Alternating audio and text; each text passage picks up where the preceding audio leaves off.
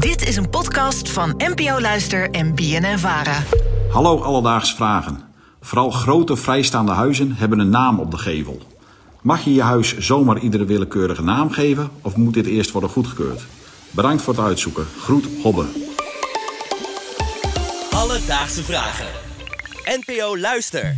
Hobbe uit Makkum, dankjewel voor het insturen van je vraag. Ja, Luc, eh, jij komt uit Zeeland, weet ik. Ja. Geven ze daar een huis ook een naam? Ja, jawel. Ik kan me wel herinneren dat er, dat er op het dorp waar ik dan vandaan kom, Kruiningen, dat daar wel eh, huizen waren met namen. Ik kan me er eentje heel specifiek herinneren. Ik weet niet waarom, maar daar liepen we altijd langs als we naar de gymles gingen. Dat huis heette Nazareth. Dat is wel een typische naam. Ja, dat vond ik ook. Dat, ik dacht van, waarom zou je je huis Nazareth noemen? Maar verder is het, het is niet per se Zeeuws, volgens mij tenminste. Nee, nee, nou ja, ik, eh, ik kom uit Drenthe. Daar had je ook inderdaad best wel van die oude boerderijen dan met zo'n typische Ja. eh, naam. Ik kom even niet op een voorbeeld, maar mooi om te horen dat het dus blijkbaar overal eh, gebeurt. Eh, ja, en Hobbe die komt dus uit Friesland. Daar doen ze het eh, blijkbaar ook. Of misschien niet. Zijn vraag komt in ieder geval wel vandaan. Ehm, en voor een antwoord op zijn vraag heb ik eventjes wat rondgebeld. En de kortste klap daarvoor die leek het ja, gewoon eventjes om de gemeente waar ik woon even te bellen van hey, hoe zit het hier nou? Zijn daar ook regels voor? Nou, gelukkig komt Matthijs Keuning van de gemeente Utrecht daar wat over kwijt.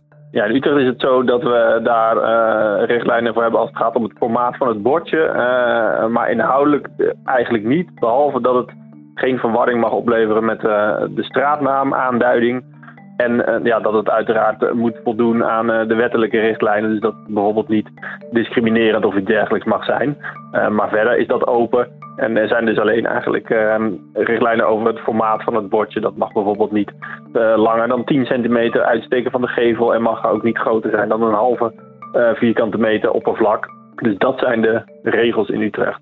Nou, in principe mag je de woning dus elke naam geven die je wilt. Ja, ja, als je het een beetje netjes houdt dus. Ja, En, de eh, en- nazi-bunker, dat, dat gaat er Ja, niet nee, ik woon in de nazi-bunker op de Slagveldstraat. Nee, de, oké, wat, wat interessant. Ja, en dus er zijn wel. Ik vind het altijd leuk dat er toch dan overal wel weer regels voor zijn. Heel Nederlands ja, om dat ja, wel te doen. Vind ik top. Maar En wat leuk. En dan uitgerekend ook nog over de, de grootte van het bordje. Van als je ergens, over het algemeen, nou, we hebben niet echt regels voor. Maar voor het bordje, daar hebben we wel een regel Ja, voor. dus ik mag, ik mag niet bijvoorbeeld mijn gehele voorgevel mooi met koeienletters kasteel Sarneel. Dat mag dus niet. Dat zou, denk ik, nee, dat mag denk ik niet. Ik denk dat je daar dan weer eh, bepaalde regels voor hebt. En dat het Ja. te groot is. Maar misschien een heel klein bordje bij je, bij je voordeur, dat mag ja, dan weer wel. dat mag dan weer wel. Maar dat vind ik, nee, ik wil heel groot kasteel Sarneel. Dat lijkt me top. Ja, we weten dus hoe het in Utrecht zit, maar ik heb ook nog even een andere gemeente gebeld. Eh, want blijkbaar is hier geen landelijk beleid voor. Oh. En om een echt antwoord op de vraag van Hoppe te krijgen, nam ik dus ook even contact op met de gemeente waar hij in woont. En dat is namelijk Zuidwest-Friesland. En Christian Wening van die gemeente, die kon ook even toelichten hoe ze het daar doen.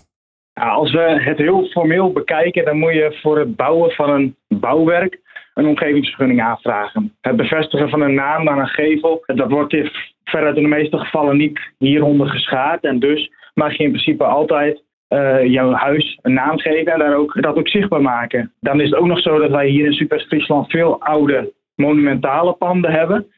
Nou, dan rijst de vraag, geldt daar hetzelfde voor als een normaal nieuwer huis?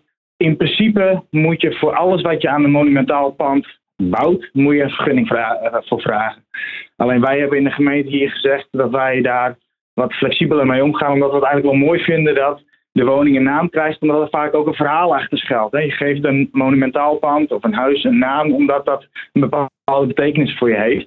Nou, je hoort het dus. Over het algemeen dezelfde regels hebben ze daar. eh, alleen zijn ze daar blijkbaar nog wat flexibeler met het toekennen van de naam aan een monumentaal pand. Gelukkig maar Friesland altijd flexibeler.